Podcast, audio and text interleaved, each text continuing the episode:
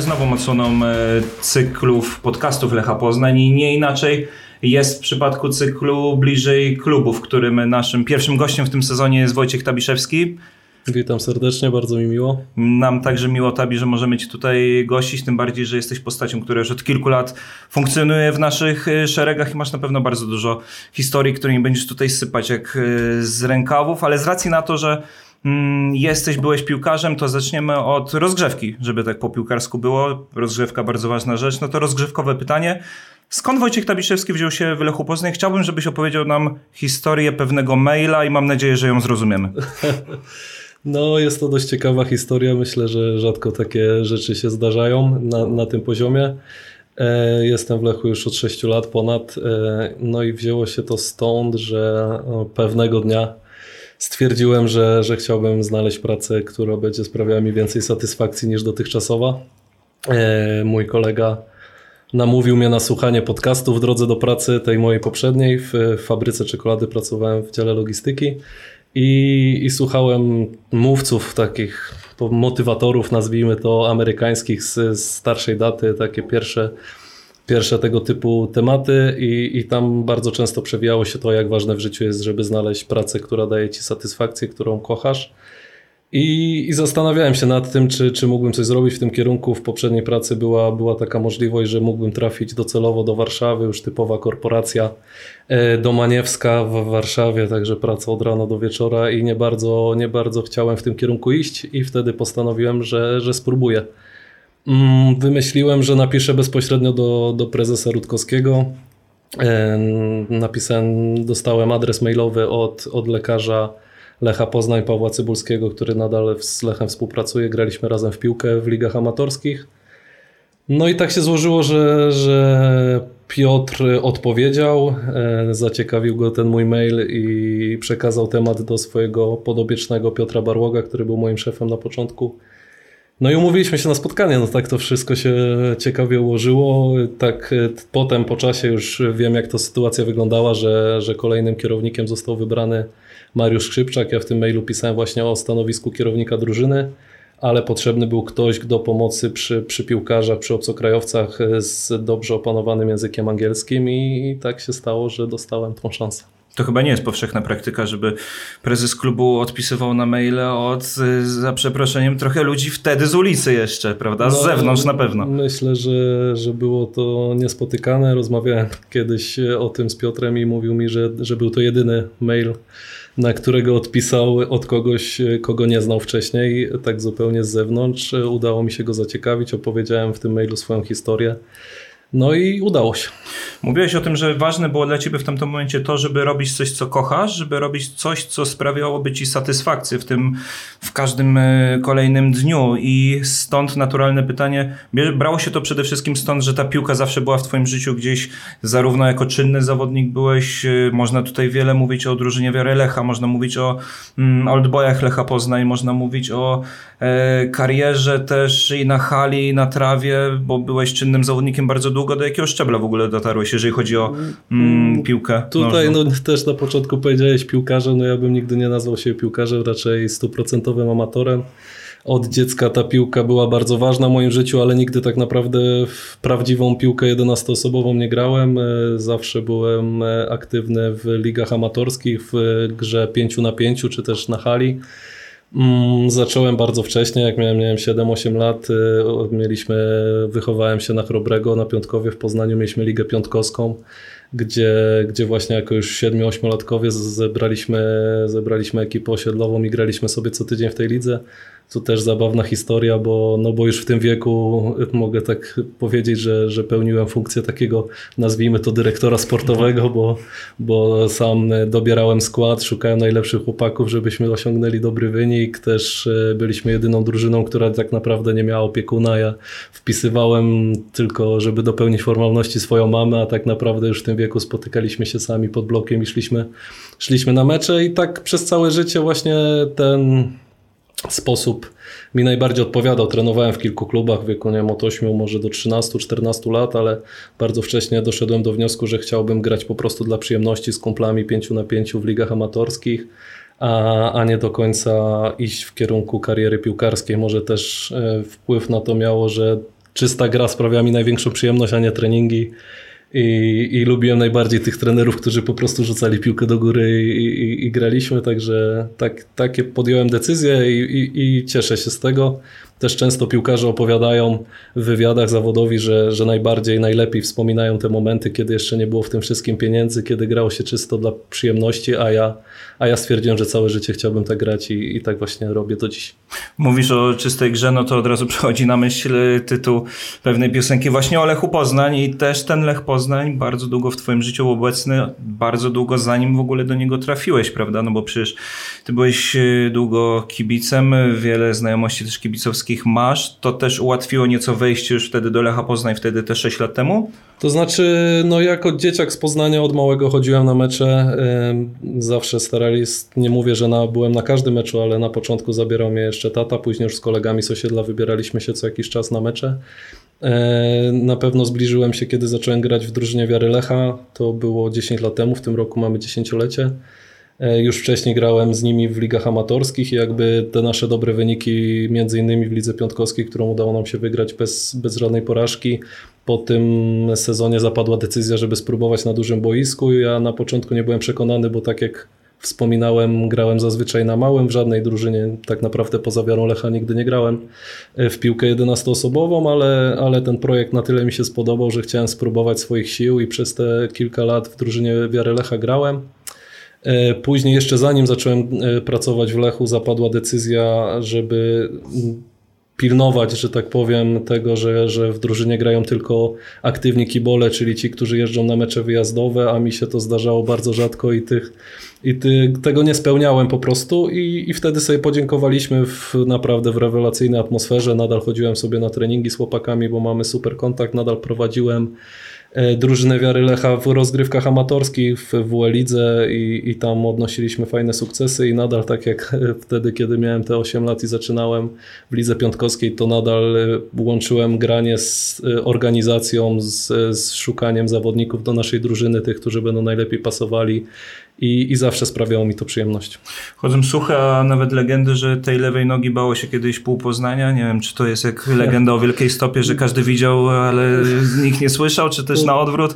A jak to było naprawdę? No jeżeli, jeżeli będziemy mówić o tej piłce amatorskiej, to, to tak, no, no udało mi się kilka statuetek Króla Strzelców zdobyć. Na pewno duży wpływ na to miały też moi koledzy, z którymi grałem. Zawsze, zawsze byliśmy w czubie wszelkich rozgrywek i strzeliśmy dużo bramek, a ja jako dziewiątka klasyczna strzelałem ich najwięcej i, i tak, no, prawą nogą nie, rzadko się zdarzało, myślę, że może jedna na dwadzieścia, ale, ale, ale było tego sporo i są to fajne wspomnienia, cieszę się, że cały czas to trwa.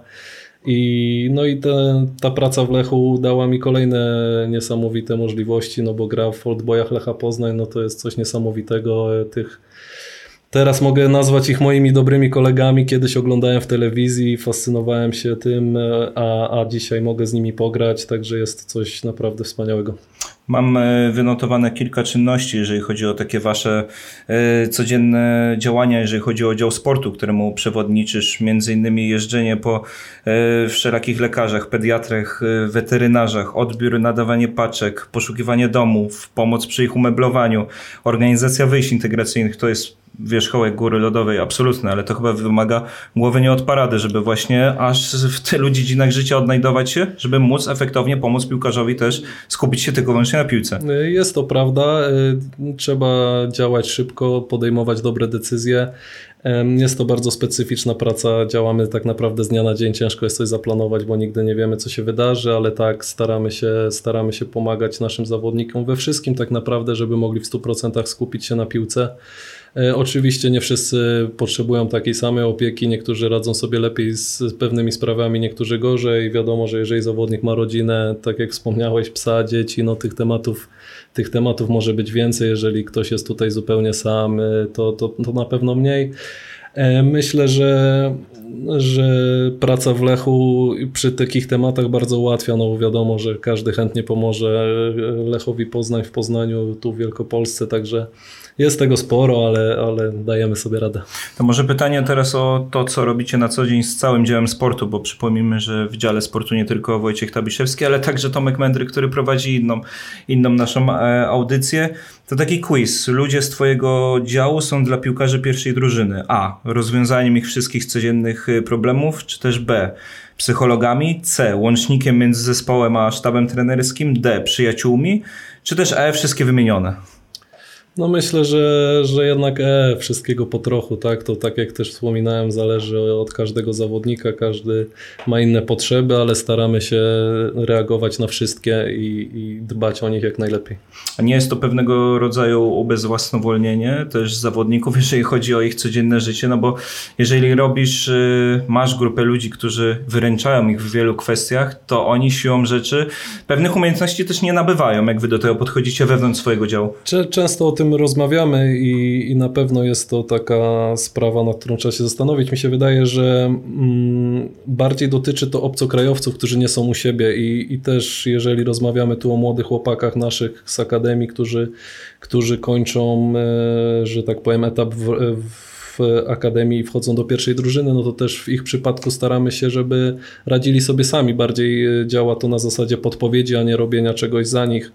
Także pamiętamy o tym i chcemy, żeby wyrośli na takich facetów, którzy jak wyjadą za granicę, to będą sobie potrafili poradzić ze wszystkim. A zdarzają się problemy, jeżeli chodzi o to przejście z wrońskiej części Akademii do Poznania właśnie, że faktycznie w, głowa, w, w głowach może zaszumieć trochę zbyt mocno i, i, tutaj pewne problemy nawet wychowawcze się zdarzają? Czy no na pewno zdarzają się takie sytuacje dla tych chłopaków, to jest duży przeskok, jak tutaj pojawią się w pierwszej drużynie, wiadomo, zdjęcia po meczach, e, odzywają się pewnie e, dziewczyny, różne inne tematy, także no, no na pewno jest to coś dla nich, e, z czym muszą sobie radzić. Wiem, że, że odbywają szeregi szkoleń już będąc we wronkach, my też staramy się im z tym pomóc, staramy się z nimi rozmawiać. Myślę, że mają też y, to, co jest bardzo fajne u nas, to, że mają te wzory do naśladowania i, i też y, myślę, że to jest bardzo ważne, że mają przykłady też chłopaków, którzy popełnili błędy i fajnie uczyć się na cudzych błędach, a nie na własnych, także mam nadzieję, że,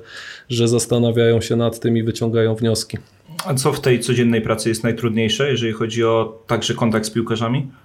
No na pewno najtrudniejsze są te takie wrażliwe tematy związane czy z rodzinami, czy z dziećmi. Y, wiadomo, że, że zawodnicy chcą dla nich jak najlepiej, my chcemy jak najbardziej pomóc i, i czasami jest trudno z rzeczy, na które ciężko mieć wpływ, na przykład, nie wiem, przy znalezieniu domu czy mieszkania wymarzonego, wiadomo, że ta liczba ofert jest ograniczona, staramy się pokazać jak największe i, i pomóc, ale no, no nie wybudujemy wymarzonego domu dla zawodnika, także no zdarzają się takie powiedzmy cięższe tematy, większe wymagania, ale staramy się im sprostać. Udało się znaleźć dom Baremu Douglasowi? I jeszcze się nie udało, cały czas szukamy, także jak ktoś ma piękny, wielki dom z pięcioma sypialniami i dużym ogrodem i chciałby go wynająć, nawet sprzedać, to, to zapraszam do kontaktu. Bo przecież chodzi o to, żeby też piłkarz miał jak największy komfort i faktycznie na tym futbolu przede wszystkim się skupiał. I to jest chyba taka misja, prawda, tego działu, którą Tak, jest to na pewno jedna z najważniejszych rzeczy dla nas, żeby, żeby ta piłka była dla nich na pierwszym miejscu, żeby, e, żeby żony były zadowolone, że po powrocie po meczu nie, nie, nie marudziły, że źle im się mieszka w Poznaniu, że chcą wyjeżdżać to jest dla nas e, bardzo ważne i staramy się pomóc. W związku z tym, że mm, szatnia jest na tyle specyficznym miejscem, w którym bardzo liczy się szczera relacja, zaufanie, które trzeba sobie też zbudować, to też pewnie niełatwo było mm, wejść e, jako taki bezpośredni współpracownik tak naprawdę drużyny piłkarskiej, którym jesteś. Pamiętasz swoje początki, jeżeli chodzi właśnie o to zdobywanie zaufania, też uwiarygodnianie gdzieś swojej osoby w szatni? No na pewno, na pewno nie było to łatwe, na pewno też no, gdzieś tam dla mnie to było wielkie przeżycie, także no, musiałem powstrzymywać gdzieś te emocje. E, pomagał mi na pewno e, Tomek Kędziora, który, który znał się dobrze z moim bratem i tak e, mogę powiedzieć, że, że też był dla mnie taką najbliższą osobą od początku, odkąd byłem w Lechu i do dzisiaj mamy, mamy super kontakt i bardzo często ze sobą rozmawiamy, spotykamy się. Także to było dla mnie duże wsparcie. E, też e, no, ta sytuacja z meczem, kiedy graliśmy przeciwko pierwszej drużynie, na pewno pomogła mi wejść do szatni. W tym, w tym meczu udało mi się strzelić e, ładną bramkę Maciejowi Gostomskiemu, także też było sporo żartów na, na początku, kiedy zaczynałem moją pracę w Lechu i to było jakieś takie przełamanie lodów, nazwijmy to. A jeżeli chodzi już o taki większy sprawdzian, to, to przychodzi mi do głowy historia z mojego pierwszego obozu, który organizowałem dla pierwszej drużyny. Było to w Marbei w Hiszpanii. E, mieliśmy bardzo fajny, malutki hotel tylko dla nas przy, przy samym boisku. No i pamiętam, że to chyba była najcięższa moja chwila w Lechu, kiedy, kiedy zostałem wezwany mm, przez Łukasza Trałkę na rozmowę tego dnia przyjechał do Hiszpanii Piotr Rutkowski, tak jak ma w zwyczaju, na kilka dni. No i Trała e, z nosem sporymi pretensjami przedstawił mi sytuację, że, że Piotr ma pokój zaraz obok niego i Krzyśka Kotorowskiego. No i nie do końca mu się to podobało, e, także no, dał mi powiedzmy chwilkę na, na rozwiązanie tego problemu. Krótką chwilkę. Krótką chwilkę i przyznam, że ta krótka chwilka była bardzo nerwowa. Eee, poszedłem do pokoju, siedziałem, zrobiłem jednoosobową burzę mózgów, e, jak wy, wybrnąć z tej sytuacji i no i mm, porozmawiałem z panem z hotelu, żeby mi pomógł, wymyśliłem plan chytry. Eee, pan z hotelu poinformował Piotra, że, że jest konieczny remont w jego pokoju, że pękła rura i muszą go niestety przenieść. Jest to też o tyle zabawna historia, że balkony z hotelu wychodziły idealnie na boisko, także Piotr kiedy się rozpakował w tym pokoju, wyszedł sobie na balkonik, na samym środku wysoko oglądał sobie e, trening, a po tych e, przymusowych przenosinach już, już ten widok nie był aż taki dobry, ale, ale wieczorem zawołał mnie Trała, no i, i pogratulował rozwiązania, także myślę, że to też wpłynęło na te na nasze fajne relacje i, i po latach myślę, że już sprawa się przedawniła, także nie dostanę jutro wypowiedzenia od Piotra, bo, bo nie wiedział o tej sytuacji, ale, ale myślę, że wtedy to była najlepsza możliwa decyzja, którą podjąłem. Czyli taki pierwszy poważny test właśnie wtedy w Hiszpanii, po, której, po którym też starszyzna przede wszystkim pewnie zaczęła patrzeć trochę przychylniejszym okiem na jeszcze wtedy nieopierzonego w swojej roli Wojtka Tebiszewskiego. Na, tak? na, na pewno gdzieś to pomogło, a z drugiej strony mogło bardzo zaskoczy, zas, zaszkodzić, gdybym nie wybrnął z tej sytuacji. E, no szatnia to jest takie specyficzne miejsce, jeżeli ktoś nie ma do siebie dystansu, jeżeli się przejmuje jakimiś żartami, jeżeli nie potrafi też czasami odpowiedzieć, to, no to ciężko mu jest przetrwać. Ja się dobrze czuję w, w tej roli i, i, w szatni, także nie mam z tym żadnych problemów. No lata mijają, teraz na pewno jest mi dużo łatwiej, ale ten początek udało mi się przebrnąć całkiem nieźle. Pamiętasz jeszcze z tamtego okresu jakieś takie sytuacje właśnie chociażby ze starszyzną, z traumą, bo to była też taka ekipa bardziej doświadczona chyba niż teraz, jeżeli no, chodzi o Polaków przede wszystkim, Tak, no teraz, teraz tak zawsze no, porównuję, porównuję te roczniki, no to teraz y, nie ma żadnego zawodnika starszego ode mnie, ale kiedy zaczynałem było ich całkiem sporo. Także no tak, no wtedy bardziej wydaje mi się była wykrystalizowana ta, ta starszyzna, i, której dowodzi Łukasz i, i tak, no na pewno trzeba było sobie zaskarbić ich, ich sympatię, ale myślę, że, że udało mi się to głównie przez bycie sobą i, i, i takie szczere rozmawianie z nimi. Do dzisiaj z, z Trałą mam bardzo dobry kontakt. Dzwoniłem dzisiaj, czy nie ma nic przeciwko, żebym przytoczył to, tą anegdotę z Hiszpanii. Oczywiście śmiał się, mówił, że że nie ma sprawy, także no, są to takie relacje, które zostają na lata. Wiadomo, że zawodnicy odchodzą do innych klubów, ale ja też y, z tymi, z którymi miałem najlepszy kontakt, utrzymuję go cały czas. Dla przykładu dwa dni temu rozmawiałem z Mario Shitumem o tym, jak, jak mu się powodzi we Włoszech, e, o rodziny. On pytał moją, ja o jego, także Także zostają te relacje. Też odwiedzałem, e, odwiedzałem naszych byłych trenerów w Zagrzebiu i Mario zaprosił mnie na obiad. Mógłby, mógłby odpuścić, a, a spędził ze mną 3-4 godziny. Rozmawialiśmy, wspominaliśmy stare czasy, także jest to bardzo fajne. No pewne rzeczy zostają, tak jak powiedziałeś i też można wyciągnąć taki wniosek, że nie jest to absolutnie łatwa praca, jeżeli weźmie się pod uwagę to, że nigdy nie wiesz tego, czym dany piłkarz może cię zaskoczyć, jaką prośbą, jakim, z jaką sprawą sprawą się do ciebie zwróci. Masz jakiś taki top 3 z tych 6 lat piłkarzy, którzy cię najbardziej zaskakiwali, albo chociażby jednego takiego, od którego jak odbierałeś połączenie, patrzyłeś, mówisz, o nie, znowu on na pewno coś niedobrego się tu dzieje? no pewnie Wasyl. Wasyl Krawec był, był, taką bardzo specyficzną osobą. O tyle dla mnie było łatwiej, że, że bardziej zajmował się nim Tomek niż ja. Teraz mam już większe, większe wsparcie niż wcześniej. Tomek też mówi po hiszpańsku, Wasyl też kilka lat siedział w Hiszpanii, także łatwiej było im się komunikować. No ale byłem na bieżąco oczywiście z tymi sprawami, no i zdarzały się naprawdę komiczne sytuacje. Taka pierwsza, która przychodzi mi do głowy, to, to jak Wasyl spóźnił się na trening, bo, bo zgubił psa, zorientował się kolejnego dnia, także pies się znalazł gdzieś na osiedlu, ale, ale no, no bywały, bywały śmieszne sytuacje, ale to jest tak jak, e, tak jak rozmawiamy, to jest element naszej pracy, z którym się liczymy i najważniejsze to, no tutaj ciężko przy tym przykładzie, to można pojechać i pomóc mu szukać oczywiście, no ale, ale czasami ciężko jest cokolwiek zrobić. No psy ruchliwe zwierzęta pewnie gdzieś tam gdzieś tam pewnie zaginął, ale y, zdarzają się też pewnie ciekawe sytuacje, jeżeli przychodzi do odbioru mieszkań y, po niektórych piłkarzach, bo jak wiemy, Piłkarze jak to ludzie dzielą się na, na grupy bardziej uporządkowanych, takich, który, którzy mają wszystko pod kontrolą zarówno w mieszkaniu, jak i poza nim, jeżeli chodzi o porządek, no ale też są tacy, którzy z tym porządkiem za bardzo za pan brat nie są i pewnie są też, e, powoduje to nieprzyjemne sytuacje, jeżeli chodzi Zda o najemców. Zdarza się oczywiście, zdarzają się takie sytuacje. Pierwszą miałem właśnie jak tylko rozpocząłem pracę w Lechu, pamiętam, minąłem się z skate'ą, e, także no, jak przyszedłem jego już nie było, ale właśnie jedno z pierwszych moich zadań miałem zdać jego mieszkanie i wszedłem tam z właścicielem. E, widać, że ustawiony biznesmen. No i byliśmy oboje w szoku, jak zobaczyliśmy, co tam, co tam się dzieje.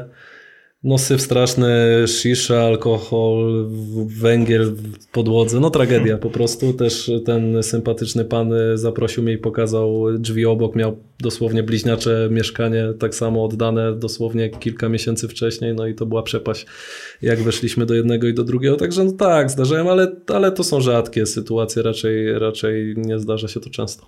No tak, no bo też nie można powiedzieć, że piłkarze tylko są przyczynkiem do zmartwień dla ciebie, dla, dla twoich ludzi, ale też czasem do takiej dumy, która nie przebija się do światła dziennego. Za bardzo też kibice o tym nie wiedzą, ludzie spoza klubu o tym nie wiedzą, że piłkarze podejmują też wiele takich inicjatyw. Mm, można z czystym sumieniem nazwać je chwalebnymi, bo oni często chcą wykonać dobry gest dla społeczności, w której się znajdują niezależnie od tego, czy to obcokrajowiec, czy to poznaniak, czy człowiek po prostu pochodzący z innego zakątku Polski. I wiem, że często opowiadasz nam w wewnętrznym gronie o, o takich przypadkach i zastanawiam się, czy możesz zdradzić teraz mimo że kamer czasem zabrakło w niektórych sytuacjach, gdzie piłkarz wychodzi do ludzi i, i robi dla nich coś dobrego, czy możesz coś przytoczyć takiego właśnie, co ci przychodzi na no myśl? No tak, jest, jest takich sytuacji dużo i, i myślę, że jest to bardzo fajne, że, że nie robią tego zawodnicy na pokaz i nawet nie tyle nie proszą o to, żeby były kamery czy aparaty, co nawet y, dają warunek, że, że po prostu nie ma ich być, bo, bo chcą to zrobić dla siebie, mają, czują potrzebę zrobienia dobrego uczynku, także zdarza się takich sytuacji sporo, nie chciałbym tu nikogo pominąć, z takich ostatnich, które pamiętam, to, to Tymek Puchacz czy, y, czy Janek Sykora chcieli dać jakieś prezenty i karmę i tak dalej do, do, do schronisk dla zwierząt. Bardzo fajna sytuacja miała miejsce przed świętami, kiedy Y, przyszedł do mnie Mikaliszak i powiedział, że on bardzo chciałby zrobić coś takiego, żeby na przykład y, dla, do domu dziecka pojechać i, i wręczyć jakieś prezenty na święta, także zorganizowaliśmy taką akcję. Mikel razem ze swoją rodziną przygotował prezenty dla, dla wszystkich dzieciaków z domu dziecka pojechał, e, wręczył je, także no myślę, że jest to coś bardzo fajnego i tak jak wspominasz, mm, no ciężko, żeby przeszło to do, do wiadomości kibiców, ale tak, jest, jest takich sytuacji dużo i myślę, że jest to bardzo, bardzo fajne. Też Aziz Tetech e, często, często chciał robić takie fajne, miłe gesty dla, dla ludzi potrzebujących. Też Pedro Tiba zawsze, zawsze mnie prosi, czy, czy jakoś, czy jakiemuś kibicowi, tak jak ostatnio była sytuacja, że wręczył koszulkę dla, dla jednego z naszych kiboli, który jeździ na wózku inwalidzkim. Teraz już po tej całej sytuacji pytał mnie Pedro, czy może jeszcze zaprosimy go na stadion, może jeszcze jakiś autograf, zdjęcie. Chciałby, chciałby coś jeszcze dla niego zrobić, także to myślę, że jest bardzo sympatyczna sytuacja. Też już rozmawiałem z tym kibicem, jesteśmy w kontakcie, wpadnie do nas, on też bardzo się ucieszył, powiedział, że ma prezent dla Pedro, że to jego ulubiony zawodnik, także no to są bardzo sympatyczne sytuacje. To świetna sprawa dla ludzi, którzy też czują przede wszystkim zainteresowanie ze strony takiego piłkarza, no bo obserwujesz go gdzieś co weekend na boisku, czy na stadionie, czy w telewizji, a tymczasem on zjawia się u ciebie, czy z koszulką, czy z jakimiś podarunkami, a najważniejsza jest pewnie ta świadomość, że twój idol sam wyciąga do ciebie rękę, prawda? Tak, jest to bardzo, bardzo fajne i, i myślę, że, że zawodnicy są naprawdę bardzo otwarci. Też zdarza mi się często, że, że ludzie piszą do mnie z prośbą jakieś życzenia dla, nie wiem, dla, dla chorego dziecka, żeby, żeby któryś z piłkarzy, bo on kibicuje i że poczułby wsparcie, także z tym zawodnicy nie mają żadnych problemów, zawsze chętnie pomagają. Tu e, głównym takim E, chętnym zawsze był Tymek Pucharz, który ma wielką łatwość e, przed kamerami, przed kręceniem filmików. Nie trzeba mu dyktować, co ma powiedzieć, tylko raczej leci na spontanie i, i super mu to zawsze wychodziło, ale każdy piłkarz, nie zdarzyło mi się nigdy, żeby którykolwiek od, odmówił mi takiej pomocy. Wszyscy bardzo chętnie, chętnie chcą pomagać. A nawet jeżeli czasem zdarzy się kojarzyć sytuacje, w których wszyscy musieli się na przykład gdzieś nagrać, też nie ma wtedy z tym problemu. Nie ma po prostu takich przypadków, jeżeli chodzi o, o to. Nikt nie robi wyjątku. A samą kwestią, którą jeszcze chciałbym poruszyć odnośnie Twojej takiej pracy, która ma miejsce tak naprawdę w dwóch okresach w roku, to są transfery, te przychodzące oraz y, wychodzące, no bo to też jest bardzo ważny element pracy działu sportu. Mało kto o tym wie, ale to wy odpowiadacie za całą logistykę, e, za całą organizację przyjazdu, zakwaterowania piłkarza, kiedy on przyjeżdża właśnie do nas. Zresztą co ja będę o tym opowiadać, po prostu powiedz sam, jak to wygląda od A do Z. To znaczy, no też przez te lata, które już jestem w klubie, ta moja rola w tym procesie rosła. Y, nadal nie mam żadnego wpływu na to, kto na nasz naszego klubu przychodzi, ale kiedy już dostanę informację, że, że jesteśmy dogadani, to tak naprawdę ja przejmuję kontrolę nad tym wszystkim i tak organizuję przylot zawodnika, kontaktuję się już z nim wcześniej, żeby załatwić dla niego bilety lotnicze, dowiedzieć się, czy czegokolwiek potrzebuje. Już przed przylotem jestem w stałym kontakcie z, z agentem, też szykuję Y, wszystkie dokumenty, czyli zlecam to naszym prawnikom, później sprawdzam, czy wszystko się zgadza i zdarza się, że też są tam jakieś ostatnie niedociągnięcia, o których dyskutuję, czy to z zawodnikiem, czy z agentami. Y, do tego dochodzi y, zrejestrowanie transferów w systemie FIFA TMS. Tu jest dużo bardzo istotnych rzeczy, za które odpowiadamy, a które nie zawsze widać. Także no jest tego sporo, testy medyczne od A do Z, podpisywanie kontraktu, kontakt z mediami, kontakt z lekarzami, także wszystko spinamy w całość i, i staramy się to robić jak najlepiej. Ciekawie zacząłeś tę wypowiedź, bo powiedziałeś, że jeszcze od ciebie nie zależy to, kto przychodzi do Poznania, a gdzieś tam w takiej dalszej przyszłości widziałbyś siebie w roli też y, człowieka po drugiej stronie tego korytarza działu sportu, gdzie mm, też tam procesy decyzyjne pewne zapadają? Czujesz się na siłach? Nie, szczerze mówiąc, nie wiem, zobaczymy, co, co, co czas przyniesie. To chyba też taki zbieg okoliczności, że użyłem tego słowa, jeszcze nie było w tym premedytacji, także nie, nie czyham na, na, na niczyją posadę, a bardziej chodziło mi o to, że, no, że nie jestem powiedzmy w tym gronie osób, które, które dokonują wyboru. Zdarza się, że, że czasami podpytam E, jakichś naszych, staramy się wykorzystywać te kontakty, czy to byłych zawodników, czy byłych trenerów, e, o opinię, bo zależy zawsze nam na, na szczere opinie o danym zawodniku, także czasami, czasami w to się jestem angażowany, ale nie, nie, na razie skupiam się na tym, co robię. Mówisz o kontakcie z byłymi zawodnikami, to też jest o tyle interesujący temat, że mm, pamiętam wiele takich sytuacji, w których y, Dział medialny nie mógł się skontaktować z wychowankami, byłymi zawodnikami e, z takich prozaicznych przyczyn. Brak numeru telefonu, brak kontaktu.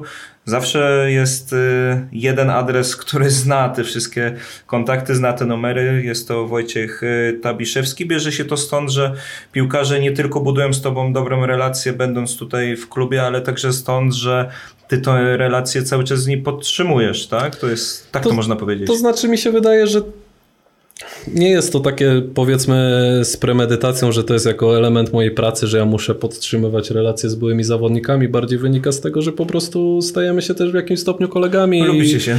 Lubimy się, dzwonimy do siebie, rozmawiamy. Wiadomo, że nie ze wszystkimi w takiej samej częstotliwości, z jednymi, z jednymi częściej, z jednymi rzadziej. Ostatnio też taki fajny projekt e, robiłem, gdzie, gdzie rozmawialiśmy z naszymi wychowankami o tym, jak trenują. Dużo staraliśmy wyciągnąć się detali gdzieś tam, żeby porównać to z naszymi metodami, także no ja nie jestem tego ekspertem, nie jestem trenerem, ale jestem tą osobą, która może zebrać tą wiedzę i przekazać przekazać dalej i, i, no tak jak mówię, no nie mam kontaktu ze wszystkimi byłymi zawodnikami, jest to niemożliwe, ale, ale no, z naszymi wychowankami myślę, że ze wszystkimi jestem, e, tymi, którzy wyjechali na zachód, jestem w kontakcie. Też yy, od czasu do czasu rozmawiamy. Z, wiadomo, że teraz ostatnia ekipa, która która ostatnio wyjeżdżała, miałem z nimi już e, taki no, dużo, dużo bliższy kontakt, czy Juziu, czy, czy Modziu, czy Puszka, czy Guma. E, także no, jestem z nimi w stałym kontakcie. Tak jak wcześniej wspominałem e, z Kendym, no to praktycznie co, codziennie, co drugi dzień sobie gdzieś tam piszemy, e, dyskutujemy czy o Lechu, czy, czy o jego klubie, o Dynamie i, i, i jesteśmy w tak, jesteśmy w stałym kontakcie. Mówimy o kontakcie z byłymi zawodnikami. Ty mówisz o dobrych relacjach z tą grupą, która niedawno opuściła Lecha. Wymieniłeś między innymi Kubę Modera. Z rozmowy z Tomkiem Mędrym, bo spotkałem się z nim, żeby przygotować się do tego podcastu, mówił, że to ty byłeś osobą, która zatwierdzała transfer wychodzący Kuby Modera do angielskiego Brighton. To prawda? To prawda, był, był to wesoły, wesoły wieczór, był to ostatni dzień okienka transferowego. Akurat y, tak się złożyło, że, że byłem na takiej nieprzymusowej kwarantannie, ponieważ y, większość osób, z którymi miałem bardzo duży kontakt, y, miała pozytywny wynik testu i gdzieś wydawało się to bardzo prawdopodobne, że, że ja zaraz również mogę mieć, także odizolowałem się od, od mojej rodziny i byłem sam w dosłownie pustym mieszkaniu i, i tak tam y, gdzieś na ziemi sobie siedząc z laptopem y, zatwierdzałem transfer Modera, byłem w kontakcie z przedstawicielami Brighton, do późnych godzin nocnych. Ogólnie chyba tak naprawdę wszystko już po północy było potwierdzone, ale powiedzmy, że jest moment, kiedy już wystosujesz wniosek o certyfikat zawodnika, to musi zostać spełnione przed, przed północą i, i to wszystko dopięliśmy. Potem gdzieś tam też w kontakcie z Tomkiem Magdziarzem, z, z Piotrkiem czekaliśmy, żeby to wszystko okazało się zgodne z tym, z transferem, także wszystko, wszystko oczywiście skończyło się dobrze, ale, ale było interesująco. Też chyba kolejnego dnia podobną sytuacja była z, z Kostewiczem i jego odejściem do Dynama Kijów, także no, ciekawy okres. Widziałem relację fotograficzną z tych wydarzeń i faktycznie było, y, jak mówisz, mogę potwierdzić w takim razie, ale y, mówisz o wielu tych kwestiach formalnych, które też się dopina, jeżeli chodzi o transfery wychodzące, przychodzące. Jak ty się odnajdujesz w tym świecie regulaminów, formalności, y, ścisłych zasad, których musisz też przestrzegać, żeby to było wszystko zgodnie z, z literą alfabetu. No i Tutaj to chyba wymaga takiej dużej uważności, nie? No bo raz zawalisz i to już będzie się bardzo za to Tak, na pewno. To też y, tak warto myślę o tym powiedzieć. Też nie ciężko mi jest określać, jak, y, jak to działa w innych klubach, ale też często się mówi tak jak już ta słynna sytuacja Legii Warszawa z Bartkiem Bereszyńskim, to wszyscy gdzieś tam skazują kierownika. To nie zawsze może wina leżeć po stronie kierownika, bo często są też w klubie inne osoby, które za to odpowiadają. Oczywiście kierownik gdzieś tam zawsze musi to potwierdzić, ale mogę tutaj tak E, pół żartem, pół serio powiedzieć, że jeżeli ktoś kiedyś nieuprawniony zagra w Lechu i przegramy walkowerem, to pewnie to, to ja stracę pracę, nie Mariusz i, i to będzie sprawiedliwe, ale mam nadzieję, że to znaczy powiem inaczej, jestem przekonany, że nigdy taka sytuacja nie będzie miała miejsca. A, a wracając do twojego pytania, no to od samego początku mojej pracy w Lechu gdzieś ten temat właśnie TMS-a, te, tych formalności związanych z transferem, to było to, czym się zajmowałem, także myślę, że z roku na rok ta wiedza jest coraz większa, coraz pewniej się czuję w tych tematach i, i przychodzi to dość naturalnie.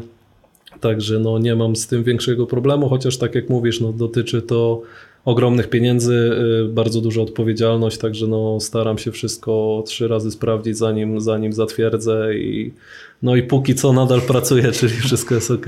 Sześć lat życzymy jak najdłużej, ale zostawiając na chwilę temat Lecha, skupiając się bardziej na tobie, Przynajmniej pośrednio zostawiając, no bo miałeś przyjemność niedawno współpracować z kilkoma naszymi byłymi zawodnikami, a konkretnie wychowankami Lecha Poznań przy okazji Euro, yy, które za nami. Powiedz nam, co robiłeś przy reprezentacji Polski, jak to się stało w ogóle, że trafiłeś i współpracowałeś z reprezentacją Polski na tak dużym turnieju? No tak, to było niesamowite przeżycie. Tak e, jak pytasz, jak to się stało, no to trzeba wrócić, myślę, do, do 2017 roku, kiedy pełniłem e, podobną funkcję przy reprezentacji Włoch e, na młodzieżowym Euro, które odbywało się w Polsce. To było niesamowite przeżycie, już ten, ten mniejszy turniej, nazwijmy to. Wtedy z, z kolegą, którego pozdrawiam, Jakubem Strużyńskim, zgłosiliśmy się do rekrutacji i, i zostaliśmy wybrani. Y, Kuba prowadził Słowację, zajmował się Słowacją, a dostałem Włochy. Tak naprawdę dowiedzieliśmy się pół roku przed turniejem. Y, ja po włosku nigdy nie mówiłem, ale stwierdziłem, że mam te 6 miesięcy i chciałem je jak najlepiej wykorzystać i też wiedząc, że Włosi to raczej taki naród, którym może jeden na 10 będzie mówił po angielsku. Nie także, uczyć się języków obcych. No, no niekoniecznie. Także przez te pół roku dużo włoskiego się uczyłem. Chciałem e, móc chociaż się przedstawić, opowiedzieć o sobie poproś przy prośbie, żeby druga osoba rozmawiała trochę wolniej, móc, móc chociaż chwilkę porozmawiać. Też ciekawa historia, bo, bo gdzieś tam na tyle bardzo zależało mi na tym, żeby jak najlepiej się przygotować i też yy, gdzieś miałem kontakt do Tomka Ćwiąkały, dziennikarza, którego poprosiłem o pomoc, zapytałem, czy kogoś poleciłby mi, z kim mógłbym porozmawiać. On dał mi numer do, do Mateusza Święcickiego, który wiadomo, że jest fascynatem e, Serie A, także skontaktowałem się z Mateuszem, którego również serdecznie pozdrawiam, z którym mam kontakt bardzo dobry do dzisiaj i, i to, co Mateusz dla mnie przygotował przed Euro, to jest w ogóle niesamowita sprawa. Dostałem od niego po prostu wykaz anegdot, historii o każdym zawodniku, który był w kadrze. Ciekawe rzeczy, niesamowicie ułatwiające zadanie, pozwalające złapać pierwszy kontakt temat do rozmowy, także coś naprawdę niesamowitego. Bardzo mi się to przydało e, w trakcie turnieju. Sam turniej, no, no niesamowita sprawa, mnóstwo osób, z, z, po prostu bardzo znanych osób z, z włoskiej piłki, no sami zawodnicy, którzy teraz robią ogromne kariery, czy Berardi, Bernardeschi, Donnarumma, także to był E, bardzo, bardzo mocny skład i, i niesamowite przeżycie. Też poznałem Alessandro Neste, poznałem Ciro Ferrare, także no naprawdę świetna sprawa. Trener Dino Baggio. No te nazwiska e, obiły się, przepraszam, o, o, obiły się o uszy pewnie tak jest, tak kibiców. Tak Także no coś niesamowitego i to na pewno było takie przetarcie, które pozwoliło mi teraz e, kandydować na, na stanowisko, to się ładnie nazywa TLO, Team Liaison Officer, czyli już po polsku mniej ładnie oficer łącznikowy. Bardzo ładna nazwa, nie wiem o co ci chodzi. No mi też tak bardzo się nie podoba. Także no tu też taki zbieg okoliczności i też to, to, co w tej mojej pracy jest tak ważne, czyli te relacje międzyludzkie. Przy fazie grupowej Ligi Europy w 2015 roku e, poznałem e, Łukasza, e, który na co dzień pracuje w, w UEFA. On był tu u nas w venue dyrektorem, tak? I, I złapaliśmy fajny kontakt i gdzieś tam od czasu do czasu mieliśmy ten kontakt, podtrzymywaliśmy. Y, też y, już nie pamiętam kiedy, ale, ale skończyłem razem z Michałem Kokotkiem kurs y, Certificate in Football Management organizowany przez UEFA. Tam też z Łukaszem byłem w kontakcie, on mi podpowiadał, dawał jakieś wskazówki i teraz w tym sezonie, podczas naszej przygody w ostatnim sezonie w Lidze Europy, Gdzieś tam Łukasz też do mnie dzwonił, pytał jak, y, jak nam idzie. W pierwszej kolejności ja, ja do niego też zadzwoniłem z jakąś, po jakąś poradę, już nawet nie pamiętam o co chodziło, on potem odzwonił, gadaliśmy o tym jak, jak ta Liga Europy y, bardziej od strony powiedzmy od kuchni właśnie tu od, od strony organizacji i, i zapytał mnie, że czy nie chciałbym y, złożyć swojej aplikacji na, na to stanowisko, bo słyszał w UEFA w siedzibie w Nionie, że, że Y, że jest taka rekrutacja prowadzona i też niektórzy pracownicy byli podpytywani, czy nie chcą kogoś polecić, także tak to się zaczęło. Ja złożyłem, y, złożyłem to CV, rekrutacja była kilkaetapowa. Pierwsze etapy takie, który, za którymi nie przepadam, czyli mówienie do kamerki bez interakcji z innymi osobami, trzeba było opowiadać o sobie. W drugim etapie dostawało się pytania, na które trzeba było również do kamery odpowiadać. A trzeci etap to już była długa, prawie godzinna, godzinna rozmowa z trzema osobami z UEFA i, i szczerze powiem, że po rozmowie czułem, że, że będzie dobrze, że, że dostanę tą pracę, bo bardzo fajnie nam się rozmawiało. No i tak się stało. Niesamowita przygoda, naprawdę. No, bardzo żałuję, że nie udało nam się wyjść z grupy, że nie potrwało to dłużej, ale doświadczenie niesamowite. Ale podróżowałeś z kadrą też między Sankt Petersburgiem, Trójmiastem, y, także Andaluzją, czy to wszystko z Polski stacjonarnie? Nie, nie, nie. To ta funkcja polega na tym, że tak naprawdę 24 godziny na dobę jesteś z drużyną, okay. jesteś z nimi wszędzie, jesteś w ścisłym kontakcie z, z kierownikiem drużyny. E, chodzi głównie o takie zabezpieczenie organizacyjne, logistyka czy akredytacje, wszystkie, wszystkie tak naprawdę wydarzenia, które się dzieją wokół kadry trzeba zgłaszać, żeby, żeby tak naprawdę wszyscy o tym wiedzieli, czyli mamy kalendarz taki zorganizowany przez UEFA, do którego musisz wprowadzać e, wszystkie rzeczy. Mm, dla mnie nie ukrywam, że było to, e, miałem bardzo ułatwione zadanie. Po pierwsze dlatego, że przenieśliśmy się z Dublina do, do Sopotu. W Dublinie ten mój zakres obowiązków byłby dużo większy, e, ponieważ w krajach gospodarzy ta opieka UEFA jest zdecydowanie większa.